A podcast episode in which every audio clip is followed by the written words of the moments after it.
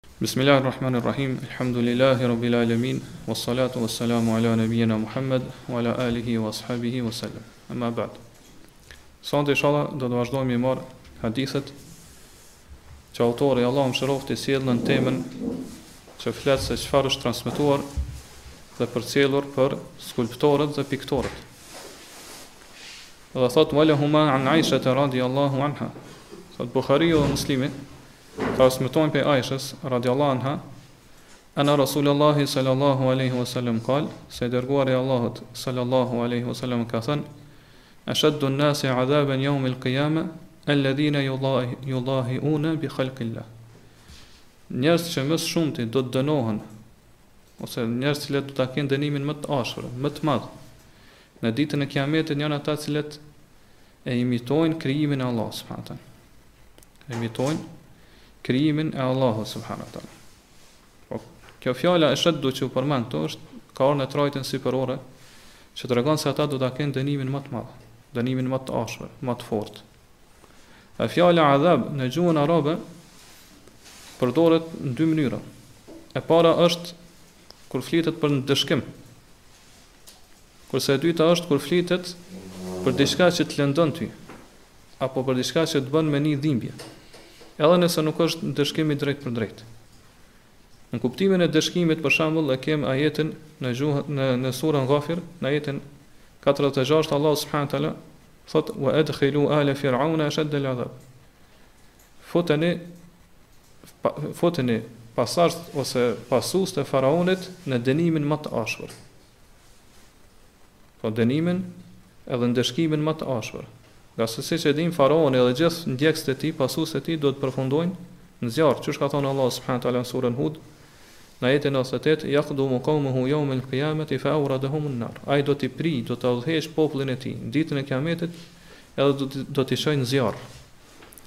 Kurse në kuptimin e dytë, janë fjalët e Pejgamberit sallallahu alajhi wasallam, pra kur fjala adhab, pra si dënim përdoret vetëm për diçka që të lëndon ty. Për shembull, hadithin që e transmeton Buhariu dhe Muslimi, pejgamberi sallallahu alajhi wasallam thotë es-safaru qit'atun min al-adab. Udhëtimi është një pjesë e dënimit.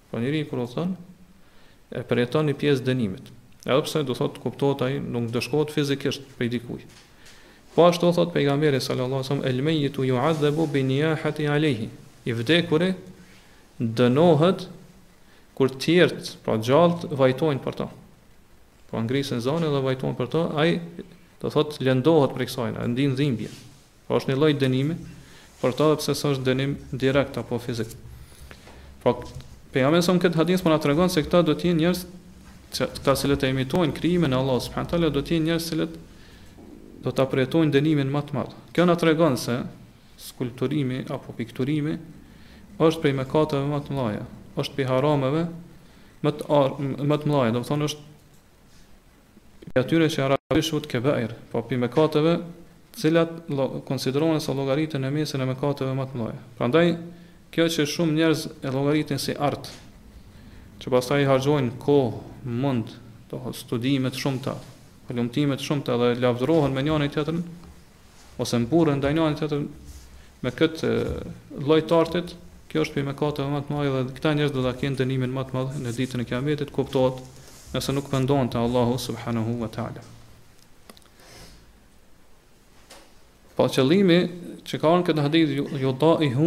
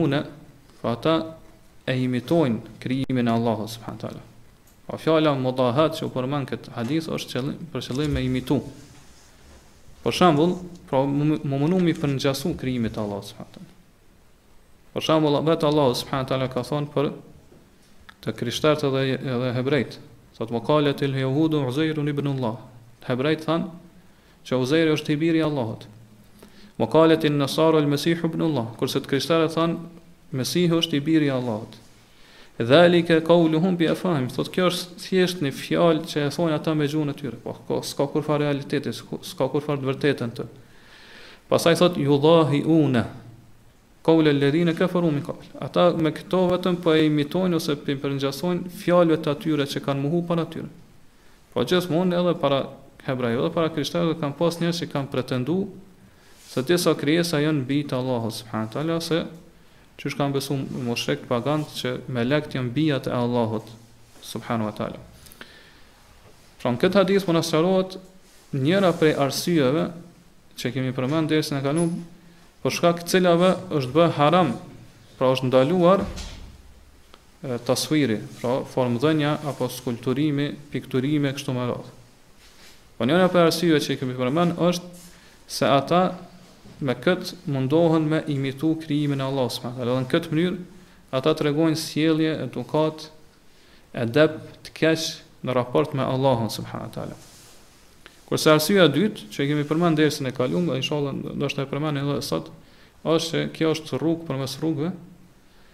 Ose rrugë prej rrugëve që i çon njerëzit drejt shirkut, me i bo shirk Allahut subhanahu wa taala. Pra çka është qëllimi që ata e imitojnë krijimin e Allahut, po për qëllim është që imitojnë Allahun në krijesat e tina, mundohen me kri, imitu Allahun subhanahu wa taala në krijesat e tina. Po prej kësaj po e kuptojna që hadithi është e ka i ka për qëllim ata të cilët bëjnë skulptura apo ata të cilët bëjnë piktura. Po parësisht kë, këtë imitim e bëjnë përmes trupëzimit të diçkafit apo përmes përshkrimit. Po trupëzimi është qysh e dina kur vjen edhe e gdhen një skulpturë dhe bën formë trupit të caktuar, për shembull një krijesë, një kafshë apo një njeri e kështu me radhë. Apo do thotë përmes përshkrimit është nëse ti ai e pikturon do thotë një krijesë të gjallë, një krijesë me shpirt. Apo e vizaton ato me dorën e tij. Po pikturimi dhe vizatimi është përshkrim i krijesës të Allahut subhanahu wa taala apo krijesave të Allahut. Edhe pse ai vetë realisht nuk e ka kriju as letrën, as nuk e ka kriju kriju ngjyrën, as lapsin.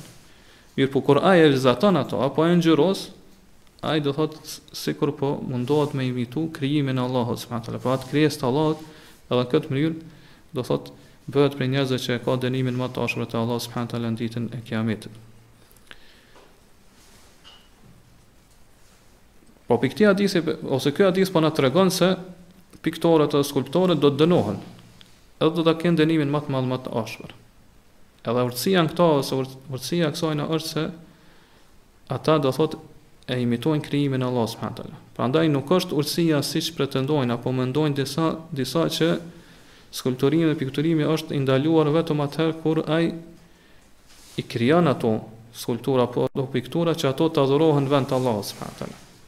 Kjo është një gjë tjetër, edhe për këto ka mëkat, do ta shpjegojmë më poshtë. Dhe mëkati është shumë më i madh, do nga ngase ai kalon në kufër.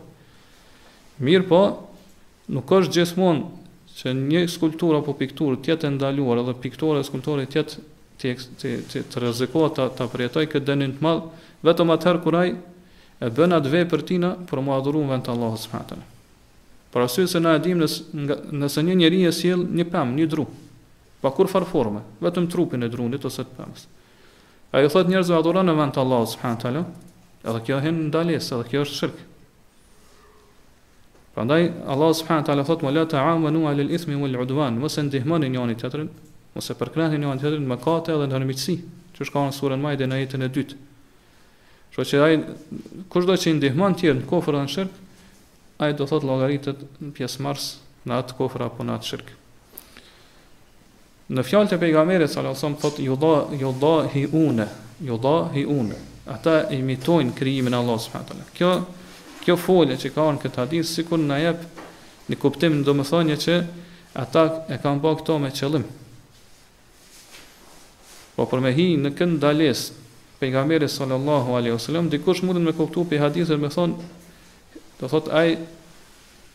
do ta kenë dënimin më të ashpër vetëm nëse qëllimisht mundohet me atë krijim tina ose me atë vepër tina me imitu krijimin e Allahut subhanahu Apo është e dyta, do thotë që sa i përket imitimit të krijimit të Allahut subhanahu teala, pavarësisht a ka bë këtë qëllimisht apo jo, ai përfshihet në këtë kërcënim pejgamberit sa. Cila është e saktë këtyre dyjave? E saktë pa dyshim është e dyta. Pra imitimi e pastaj edhe dënimi prej Allahut subhanahu wa taala vjen si pasojë do thotë kur njeriu e bën atë vepër atë krijim pavarësisht a e bën qëllimisht që me imitu krijimin e Allahut subhanahu wa taala apo jo. Po nuk është arsyeja që do thotë njeriu të përfshihet në këtë dënim të Allahut subhanahu wa taala Nuk është shkaku dhe arsyeja që ai qëllimisht me bë atë imitim. Prandaj nëse dikush thotë unë po e bëj një skulpturë apo një pikturë, mirëpo nuk e kam për qëllim me imitu krijimin e Allahut subhanahu wa taala. Thjesht po e bëj këto si si kujtim. Ose arsye të tjera, do të thonë arsye të. Ne themi që imitimi ka ndodhur. Dhe kjo është haram. Por derisa ka ndodhur imitimi atëherë pohohet edhe vërtetohet edhe vendimi apo dispozita. Nga se është parim, është bazë në, në fikun islam që el hukmu jaduru me illetihi. Vendimi vërtitet me arsyen, shkakun e tij. Të njëjtën herë që ekziston shkaku, ekziston edhe vendimi, ose gjykimi për atë vepër. Siç e kemi marrë dhe në të kalumen, një shambull nëse dikush vjen edhe vesh rroba cilat janë karakteristikë, pra edhe të veçanta vetëm për jobesimtarët. A e din që do thotë kjo në islam është e ndaluar. Mirë po ai thotë unë nuk e bëj këto me qëllim që me imitu jobesimtarët. Apo me për, përngjasu atyne. Ne i themi që përngjasimi dhe imitimi ka ndodhë. Pavarësisht a e bën këto me nijet apo jo. Ke bo haram. Ke bo diçka të ndaluar. Ngjashëm e themi edhe për këto që e shpjegum. Po prej këti hadithi po përfitohet që Taswiri, pra dhënia formë apo me ba imazhe, me pikturu apo me skulpturu është haram edhe është prej mëkateve të mëdha. Ngase po e shohim se ka kërcënim të ashpër për atë person i cili vepron këtë. Edhe prej urtësive pse kjo është e ndaluar, po po e kuptojmë prej hadithit është se këtu kemi imitim të krijimit të Allahut subhanahu wa taala. Dobia e dytë që përfitohet është se njeriu e ka obligim me respektu pozitën e Zotit, të Allahut subhanahu wa taala si Zoti i tina, prandaj mos mos të ketë dëshirë që ai me një vepër të tina pa po ta ta rivalizojë Zotin ose të mundohet me imitu krijimin e tina. Për këtë arsye, Allahu subhanahu wa taala ka bën ndaluar, po është prej mëkateve më të mëdha mendjemadhësia. Apo që tjetri do të llogar të madhrojë veten e tina, të llogarisë veten e tij më të lartë, më të ngritur se sa të tjerët.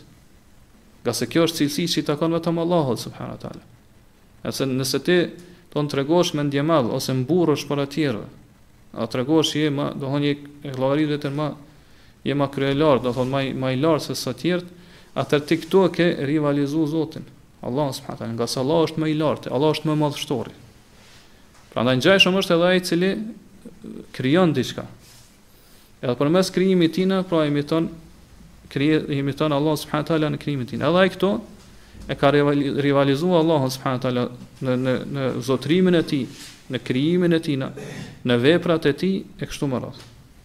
Prandaj prej këti hadithi përfitohet që muslimani ose njeriu në përgjithësi ka obligim që me respektu dhe me madhuru pozitën e Zotit.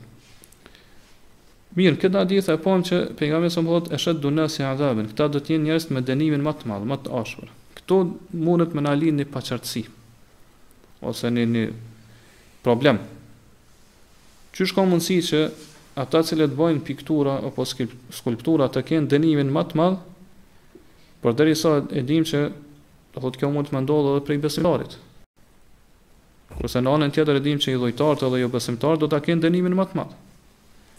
Po prej këtij hadithi po kuptohet që këta do ta kenë dënimin më të madh dhe më të ashpër se sa vetë jobesimtarët edhe apo mushrikët, idhujtarët. Kësaj dietarët ju kanë përgjigjë në disa mënyra. E para është që hadithi përcaktohet do të përcaktohet një pjesëza, në arabisht quhet pjesëza min. Këto e ndihmon edhe më shumë vetë transmetimi tjetër ku pejgamberi sallallahu alajhi wasallam ka thonë inna min ashaddi an-nasi adha. Vërtet prej njerëzve që do ta kenë dënimin më të ashpër. Po jo që këta do ta kenë të vetmit janë që do ta kenë dënimin më të ashpër. Mirëpo prej njerëzve që do ta kenë dënimin më të ashpër do të jenë këta.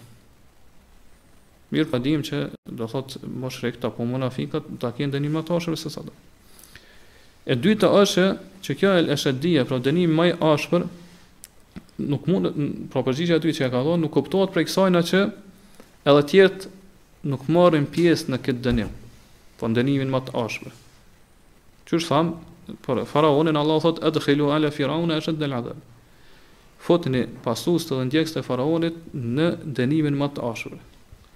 Mirpo, do thot prap, kjo është që s'po na e largon çat paqartësinë. Pasi qysh thamë më lart, ne e dina që ai që është musawwir, ai që i jep formë apo bën imazh, ai thjesht e ka bo një mëkat të madh. Qysh ka mundësi që ai mu barazu me atë i cili nuk është fare në Islam? Apo do thot ai i cili është krejt jo besimtar. Një pjesë e dijetarëve kësaj ju kanë përgjigj në këtë mënyrë.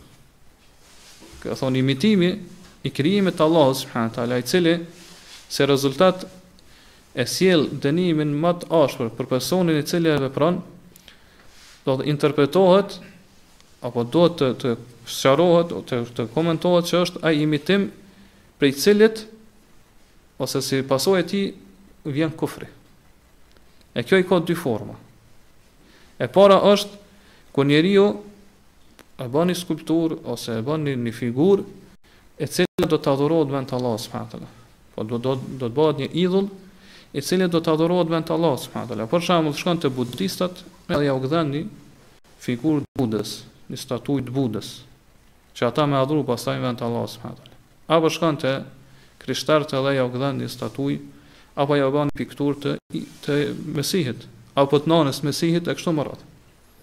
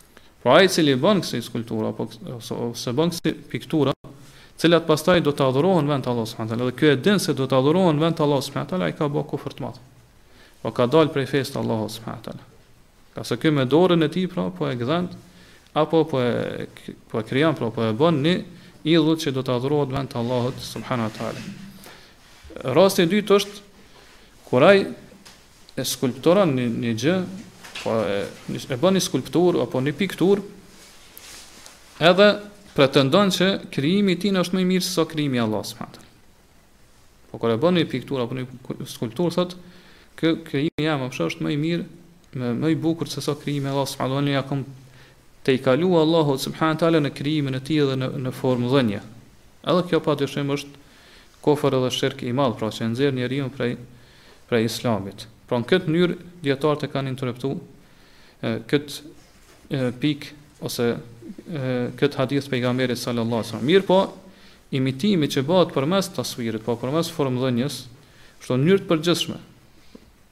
Atëherë, po që nuk e nxjerr njeriun prej fesë islame, për shembull kur njeriu që thamë bën një pikturë me dorën e tij apo e gdhend në në figurë, në statujë kështu me radhë, dhe që nuk janë në ato dy në këto dy raste të lartpërmendura, atëherë kjo që është thamë është thjesht prej mëkateve të mëdha, edhe personi që e vepron këto është i mallkuar prej pejgamberit sallallahu alajhi wasallam dhe do thot ekziston rreziku që nëse nuk pendohet, të dënohet ashpër në në zjarrin apo në zjarrin e xhehenemit.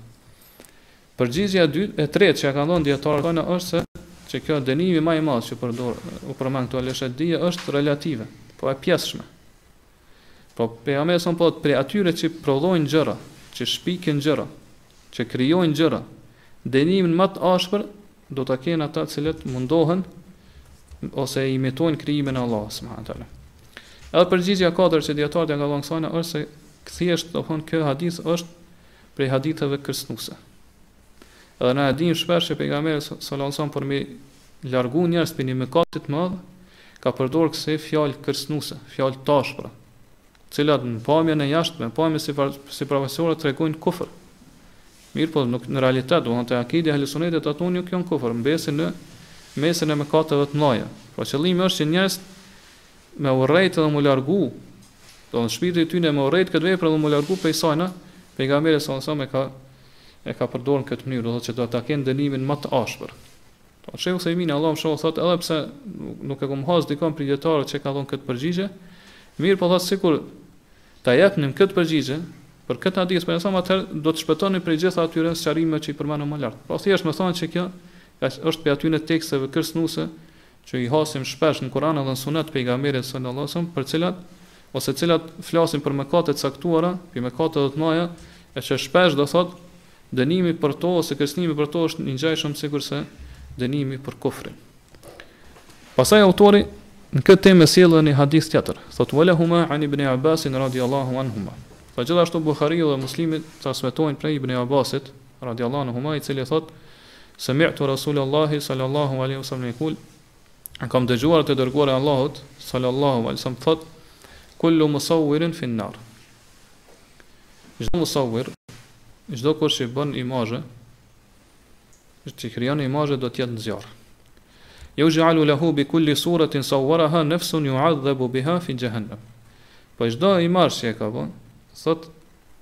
për çdo imazh që ka kriju, për çdo skulpturë, për çdo pikturë që ka bërë, kështu më radh, aty thot Allah subhanahu wa taala bën një ose i bëhet një shpirt i cili e dënon atë në zjarr të xhenemit.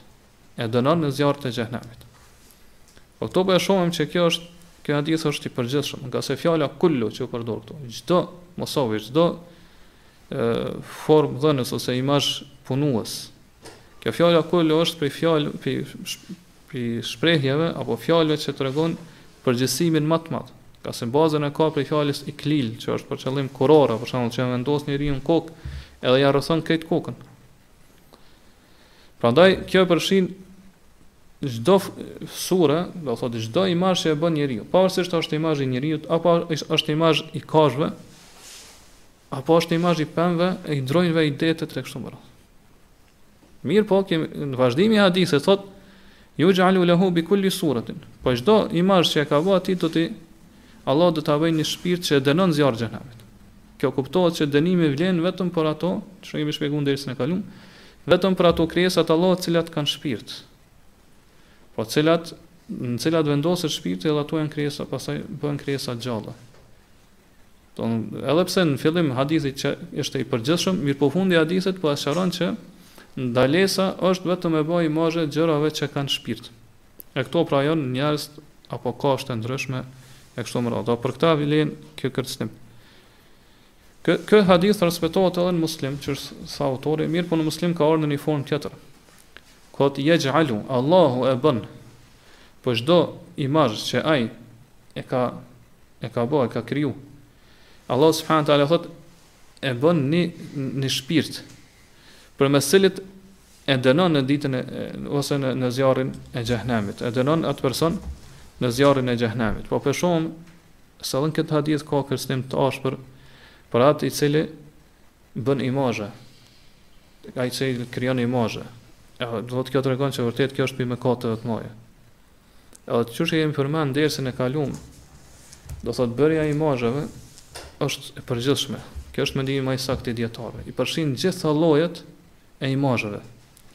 Pavarësisht a është gdhendje, apo skulptur, apo siç thamë, ma lartë është trupzim, pra me mi dhon form trupit një, një krijese kështu si trup, apo është vizatim në një flet, apo në pllak, apo në mure, apo është pikturim e kështu më radhë, apo është fotografi me aparat.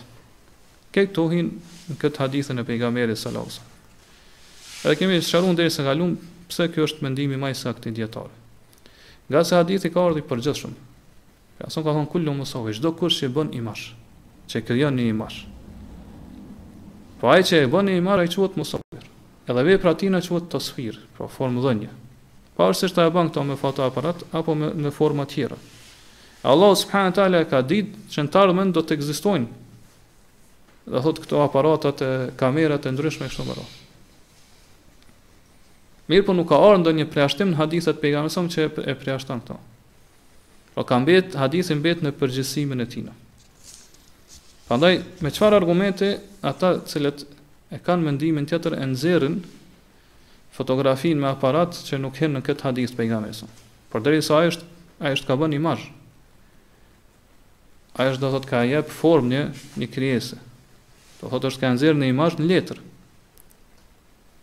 E kemi thonë prej dersin e kalum që është e njohur prej parimeve dhe bazave të shkencës të hadithit dhe shkencës të tefsirit që hadithi ose argumenti që vjen i përgjithshëm veçohet vetëm përmes një argumenti tjetër.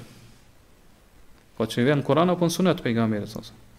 Po nuk ka mundësi që argumentet që janë në Kur'an apo në hadith t'pejgamberit të veçohen me opinionet, mendimet dhe fjalët e njerëzve. Kjo nuk pranohet. Do thotë kjo është një parim i, i pranuar edhe i vendosur tek gjithë dietarët për të cilët kanë konsensus, njëzëshmëri. Atër, pse ata që e thonë fotografinë me, me aparate Me fotoaparat nuk hin n'këtë hadith t'pejgamberit, nuk nuk janë ndaluar. Me çfarë argumenti? Po siç tha shejh Fozani Allahu e rujt, këto thjesht janë fjalë pa vlerë, do të thonë fjalë të zbrasta që nuk kanë kurfar kuptimi. Do thotë që gjitha parimet e bazave të fikhut do i, i, i refuzojnë edhe nuk i pranojnë këto. Pra ata ata e dinë, do të thotë dietart nuk ka mundësi, pra që argumenti i përgjithshëm të veçohet përveç se Me argument tjetër, që ka ardh në Kur'an apo në hadith të pejgamberit sa. Mirëpo thotë se jashtë ne e shohim që këtu i kemi pastaj dëshirën e njerëzve ë që i, dë, i, i detyron ata do thotë me me marrë kësi vendime dhe kësi kësi gjykime. Këtu pejgamberi sallallahu alajhi wasallam po thotë juadhdhebu biha. Përmes këtyre shpirtrave që Allah subhanahu taala e bën për çdo imazh që ai ka kriju, do të dënohet me to. Cila është mënyra e dënimit? Me cilën, që këta shpirtra e dënojnë këtë person, në ditën e kiametit. Po mënyra e dënimit ka ardh në hadithin që vjen, ku pejgamberi salallahu alejhi ve selem thot që ai do të ngarkohet, kena me shpjegu, inshallah pak ma poshtë, që ai do të ngarkohet me i dhonë shpirtë dhe me i fri shpirtë, që do njërës për këty në imajët, mirë po nuk ka mësi kërë me i dhonë shpirtë. Kjo është një mendim i dietarëve se si do dënohet ai. Mendimi i dytë i dietarëve është që Allahu subhanahu wa taala çdo imazh që ai e ka bë, në kët e ka kriju në kët dunjë, do t'i jep shpirt edhe ai do ta dënoj me zjarr në ditën e Kiametit. Qysh ka ardhur do thot për personin i cili ka pasuri, edhe atë pasuri nuk e pastron përmes zekatit, përmes sadakas,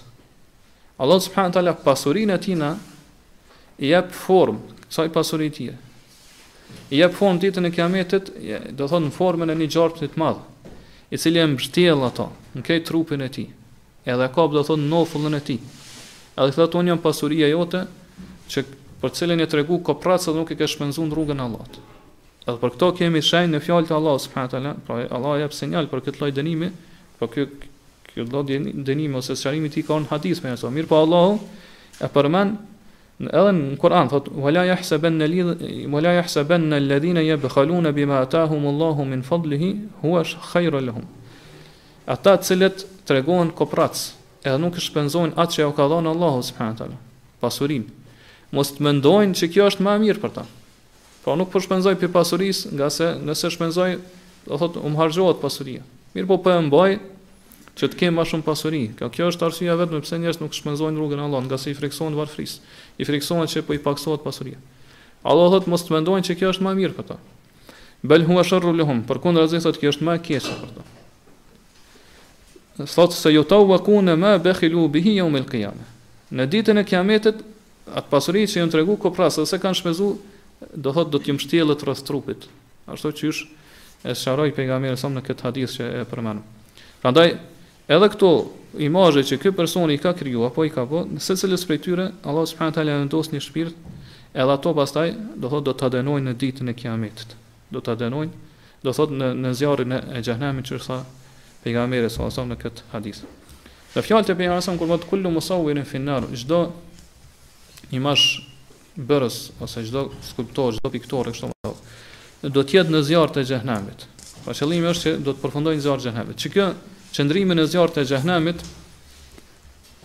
Te disa sekte në Islam qysh janë Mu'tezilitë edhe Khawarijtë, thonë që ai do të jetë përgjithmonë në zjarr të Xhehenemit edhe nuk do të dalë kurrë pi zjarrit të Xhehenemit.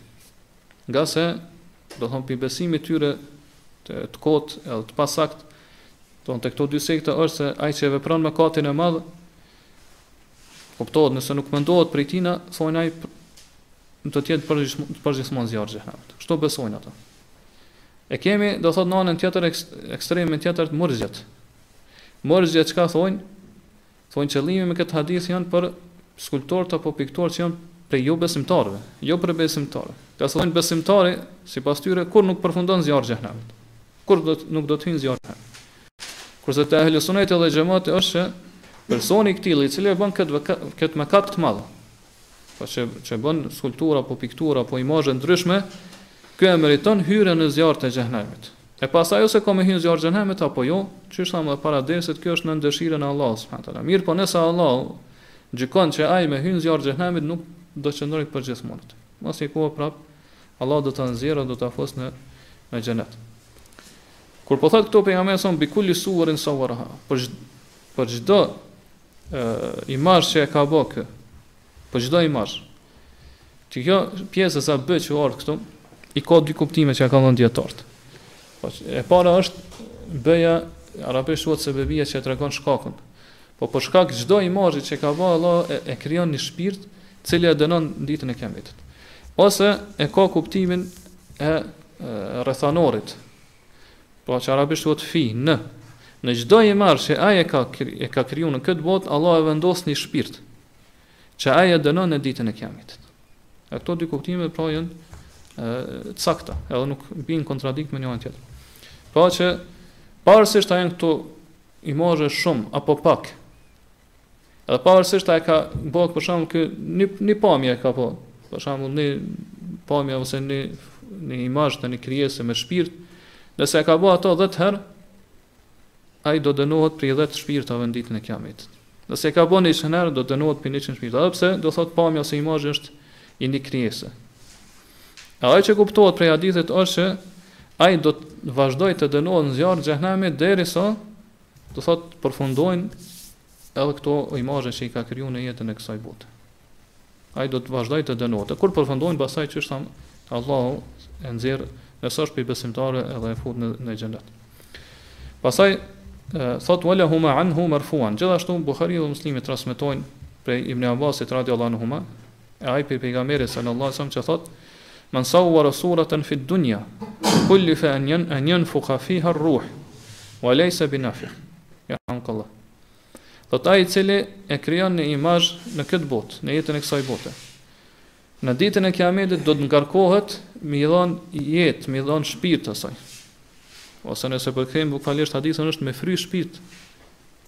mbrenda saj, mi dhon jetë pra, mi dhon gjallëri asaj. Mirë po thot kurrë nuk ka mundësi me bë me me vepruar një gjë të këtillë.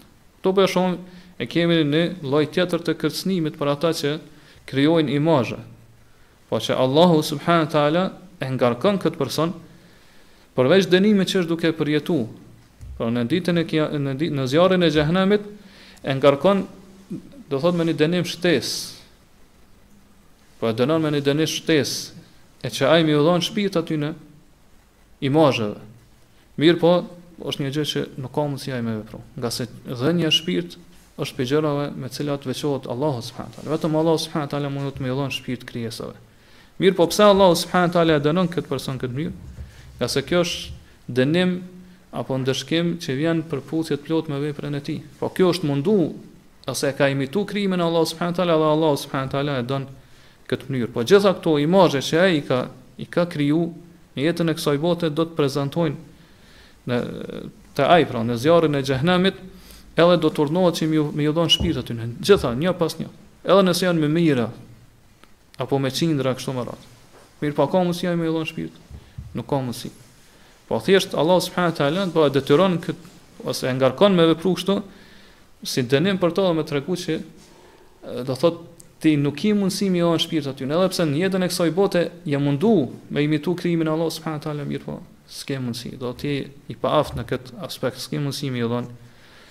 shpirt aty. Edhe kështu do thotë atij i shtohet dënimi, do thotë i shtohet dëshprimi, i shtohet pikëllimi. Pra ai po dënohet për një për një gjë që në jetën e kësaj bote e ka llogarit si prehje të shpirtit.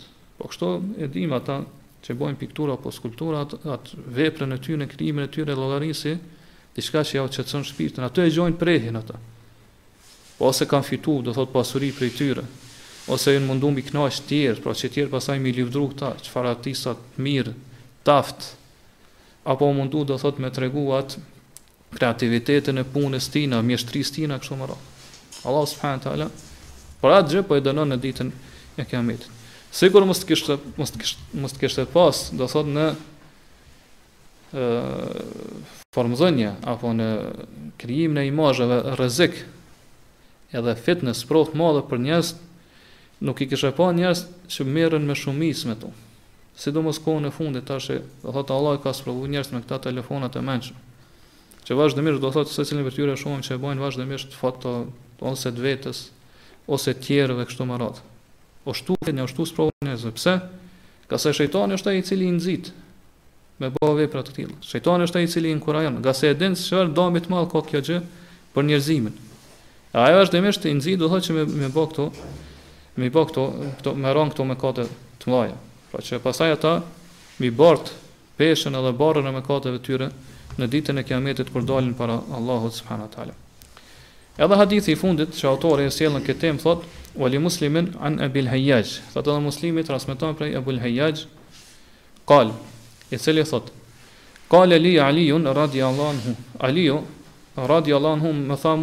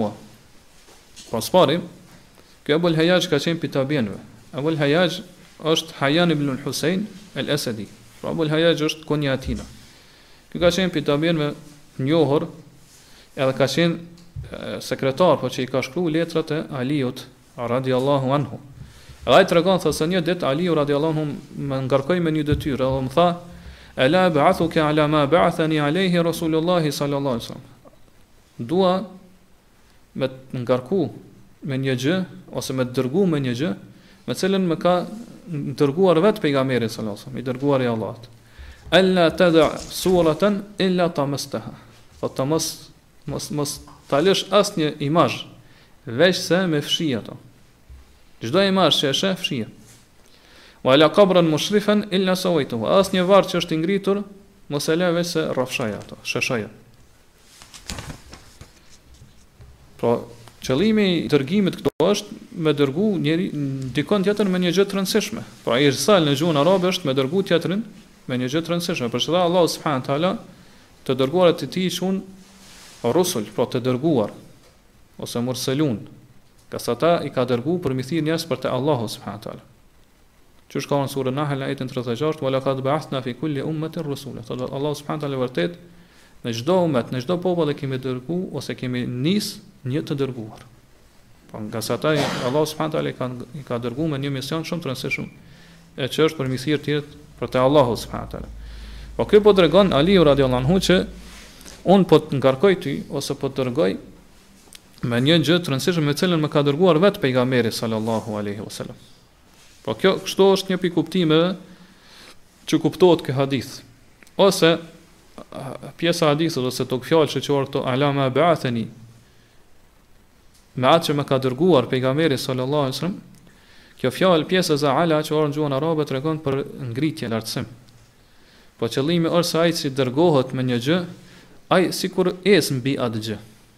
Po sikur është rrugë që e shtrohet para tij dhe ecën mbi të. Prandaj disa dietar thonë është më parësore këtë hadith me përkthy apo me komentuar këtë mënyrë. Sidoqoftë, do thotë Ali radiallahu anhu po i tregon Ebul Hajjaxh se kjo ka qenë një prej detyrave me të cilat e ka ngarku pejgamberi salallahu alejhi ve selem. Edhe pse detyrat apo misionet me të cilat e ka ngarku pejgamberi salallahu alejhi ve selem Aliun kan qenë të shumta. Mirpo njëna prej tyre ka qenë kjo. Që kudo që ta gjejnë një imazh me shkatrru ato me fshi. Apo do thotë një varr të ngritur me sheshu. Këtu po thotë një imazh, sura, ela teda sura. Mos e le asnjë imazh.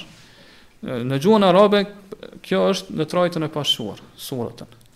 Edhe kur vjen trajta e pashquar në gjuhën arabe në kontekstin e mohimit, atëherë tregon përgjithësim. Po çdo imazh, pavarësisht çfarë është, a është trup, a është skulpturë, apo është pikturë e kështu me radhë, duhet me fshi ato. Po ashtu edhe kjo tregon do thotë përgjithësim nga një aspekt aspekt tjetër që qysh e thamë edhe më lart, çdo imazh pavarësisht a është imazh imazh i krijesave me shpirt apo pa shpirt. Mirëpo, Gjithmonë ne e kemi shpjeguar që mendimi më i saktë i dijetarëve, që është mendimi i xhumhurit, po pjesës dërrmuese të dijetarëve është që këto hadithe ose kërcënimet që kanë këto hadithe janë është vetëm për krijesa që kanë shpirt. Po atyre, këtyre krijesave nuk bën me ju bë, me ju me ju kriju imazh. Ngase ka ardhur në hadithin e Xhibrilit radiallahu anhu, i cili një ditë ka vizat, e ka vizitu. shtëpinë e pejgamberit sa sa. Edhe mes tjerash, pi gjërave që e ka pa aty para derës së shtëpisë, e ka pa një si lodër apo si imazh që me cilën ka lujt fëmija dhe ka thonë fe mur, fe mur bi rasit timthali jukta, jukta. Urdhëro pra ata që do thotë atë kokën e atij idhullit me pre, me largu. Fa yasiru ka hayati shajara dhe mbetet ai thjesht si një pemë, si një dru Pa formë, pa ë do thot pa pa imazh. Kur po thot këto ë pra këto fjalë lirisht mund me thonë se janë edhe urdhra të pejgamberit sa sa me pozitën e tina, që kudo që e hasim një imazh duhet me fshi ato. Çka është kuptimi saj? Pra me fshi ose është me shkatrru. Apo, do thot nëse është piktur ose me ngjyra, me derdh ngjyrë tjetër mbi to derisa të fshihet fytyra, pra imazhi. Po qëllimi me imazhin këtu është fytyra. Nëse fytyra do thot mbulohet ose prishet me me ngjyrë tjetër, atëherë mjafton. Apo nëse është si figurë, Atëherë qysh e pamë pi hadithi Xhibrilit me këput kokën e tina, me largu kokën e tina prej trupit. Atëherë nëse mbetet veç trupi s'ka problem.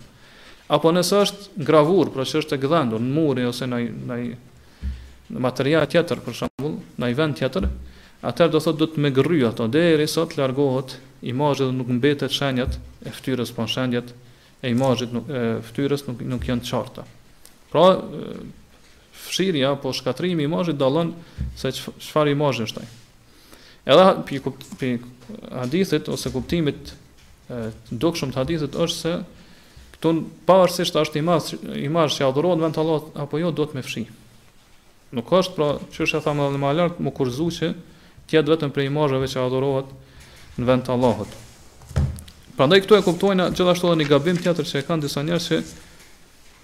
Kur dojnë me i prish do imazhe dhe çka bojnë vetëm shkojnë do thot e vzatojnë një vijë te qafa e njeriut edhe thonë që tash e shkëputëm kokën prej trupit edhe në këtë mënyrë bojnë hile edhe thonë që më nuk llogaritet kjo prej imazheve.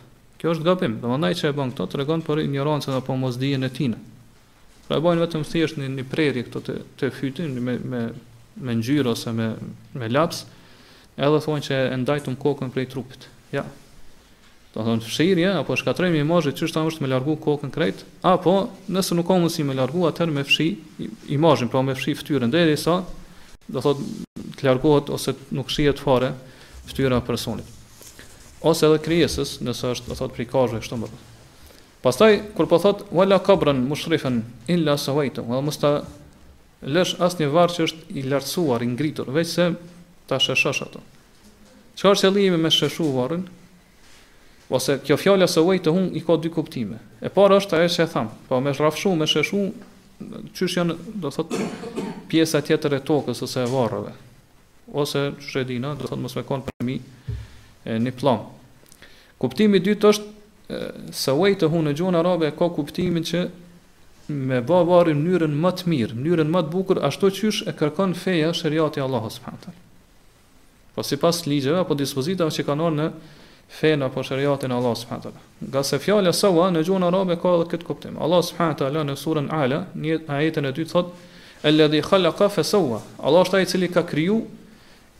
Edhe ka përkry krijimin e tina.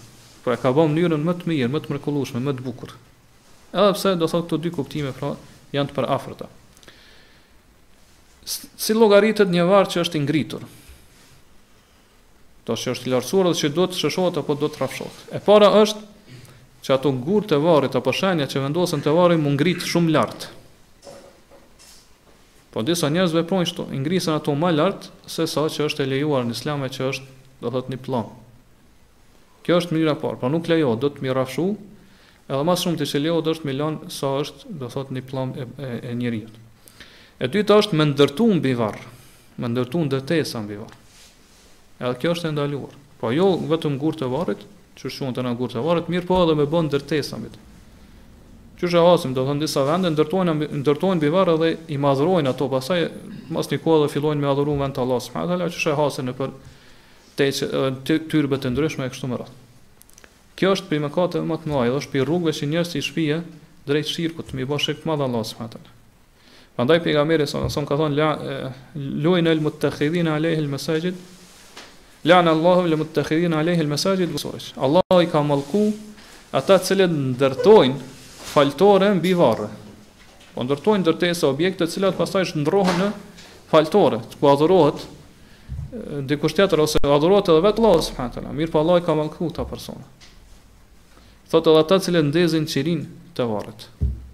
Këta dy persona i ka mallku Allahu subhanahu.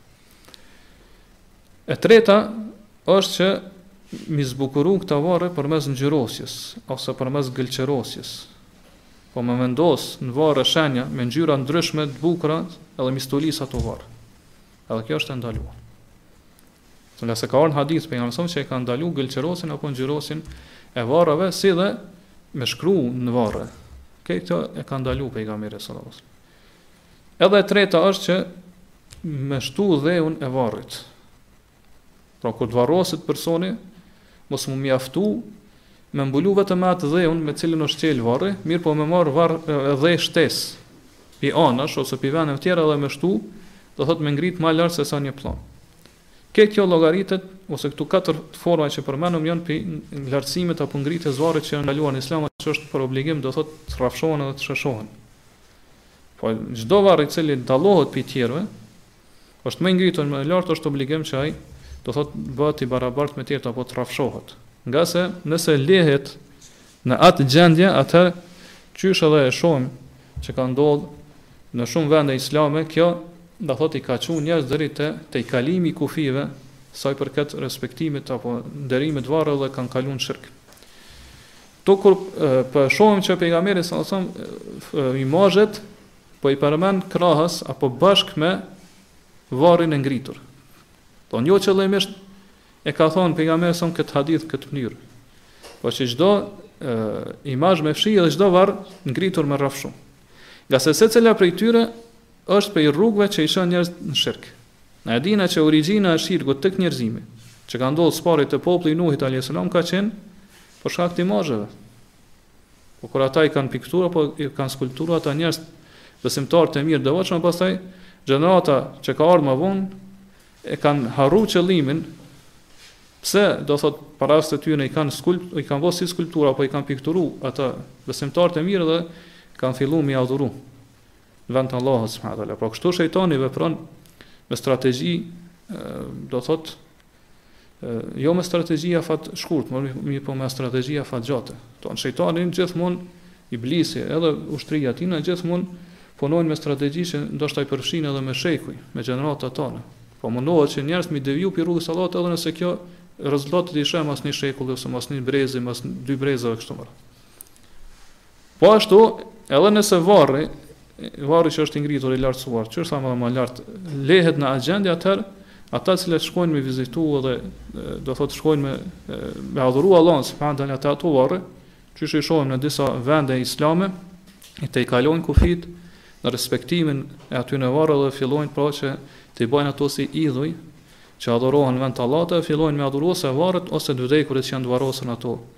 varre dhe i adhurojnë në vend të Allahut subhanahu wa taala, qysh ka ndodhur në shumë, si thamë në shumë vende islame. Prandaj këtu pra duhet mi kushtu kujdes, edhe gjithmonë duhet mu mundu mi nxjerr këto dobi prej haditheve të pejgamberit sallallahu alaihi wasallam. Pra këtu po i përmend varrin e ngritun së bashku me imazhet. Për me tregu se një prej arsyeve më madhore, më kryesore, pse është e ndaluar krijimi i imazheve është se ajo është rrugë që çon deri deri në shirk. Po ashtu, kur po e shohim këtu që pejgamberi sa me këtë detyrë, me këtë mision e ka ngarku Aliun radiallahu anhu. Këtu kemi do thot kundërpërgjigjen ndaj atyre të cilët i tejkalojnë kufijt edhe teprojnë në lavdërimin edhe pasimin e Ehlul Bejtit, pra familjes të pejgamberit sa.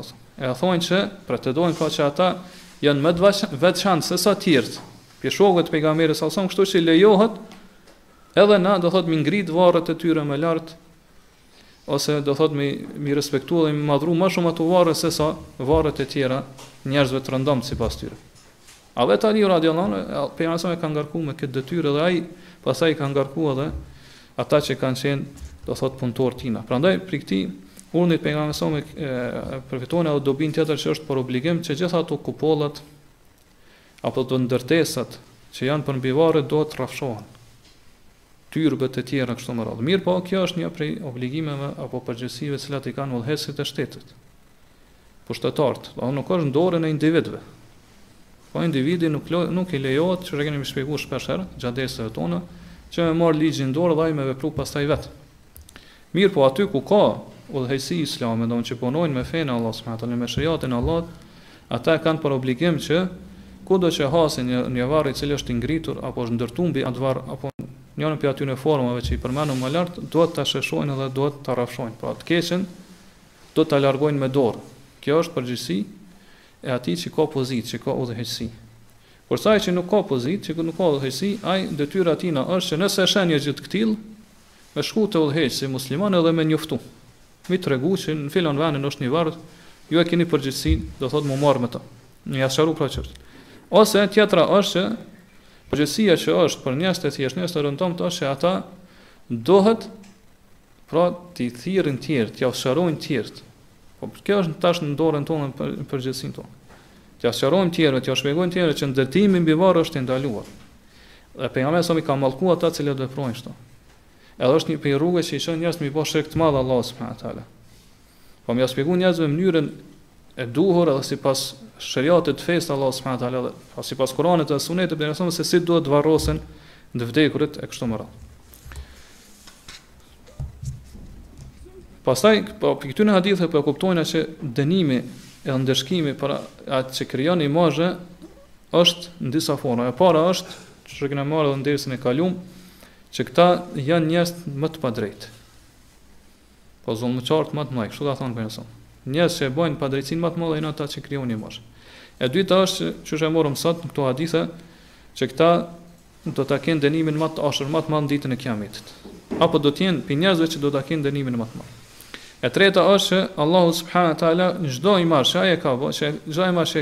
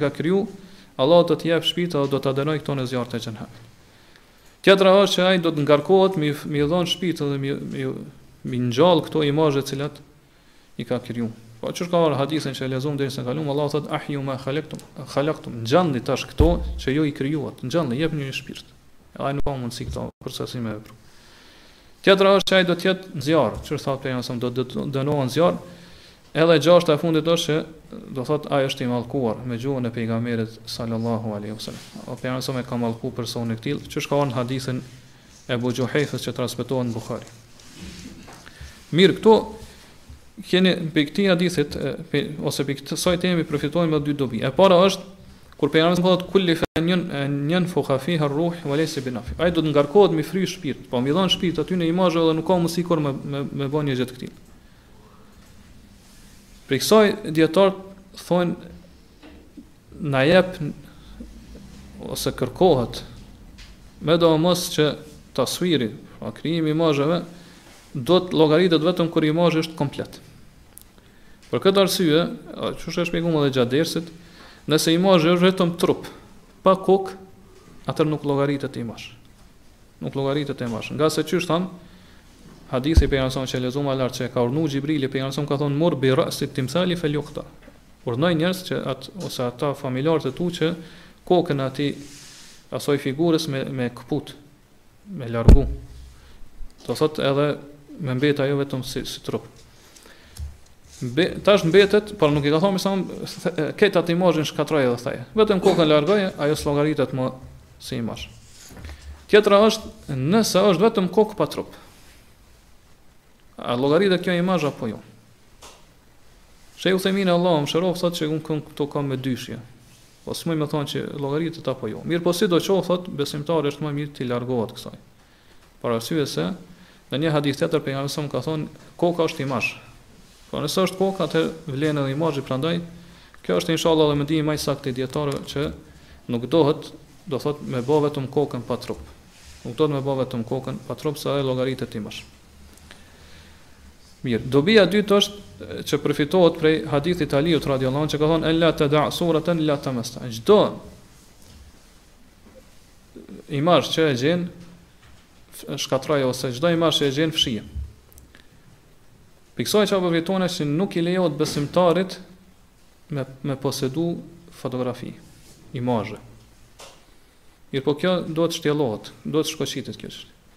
Prandaj edhe ata dietarët të cilët e kemi thënë dersin e kaluar që thonë se fotografitë me fotoaparat nuk llogariten tasvir, thonë mirëpo besimtarit nuk i lejohet me bë fotografi e pastaj mi majtë ato ose në telefon ose në album e kështu me radhë. Nuk i lejohet pra me pas në pronë, në posedimin e tijna fotografi, imazhe. E kjo kjo pastaj ka disa kategori. E para është që ai kur i, i, i merr këto në pronësinë e tina, këto fotografi ka për qëllim që mi madhëru apo mi mi respektu ata të cilët i ka fotografu. Për shembull është një udhëheqës i shtetit një kryetar, apo dikush që ka pozitë, apo dikush që ka dije një dietar, apo dikush që është adhurues, apo do të thotë prindën e tina, gjyshin e tina kështu me radh. Kjo është haram, do thotë pa kurrfar dyshim është e ndaluar. Ngase melekët nuk hyjnë në një shtëpi në të cilën ka imazhe. Prandaj nëse ai i madhron në këtë mënyrë, po me këto imazhe të cilat i mvar për shembull nëpër mure kështu me radhë ose i lënë edhe nëpër albume ose nëpër telefone kështu me radhë. Kjo është e ndaluar. Nëse në këtë mënyrë mundohet me respektu pra njerëz me pushtet, atëherë kjo është një çarje në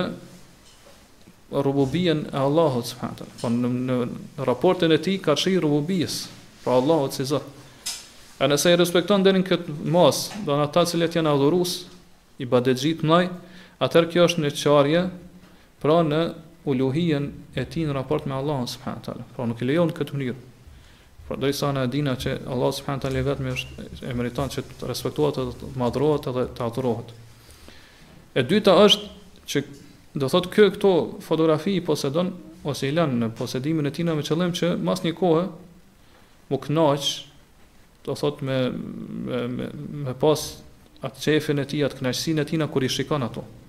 Edhe kjo është e ndaluar, është haram.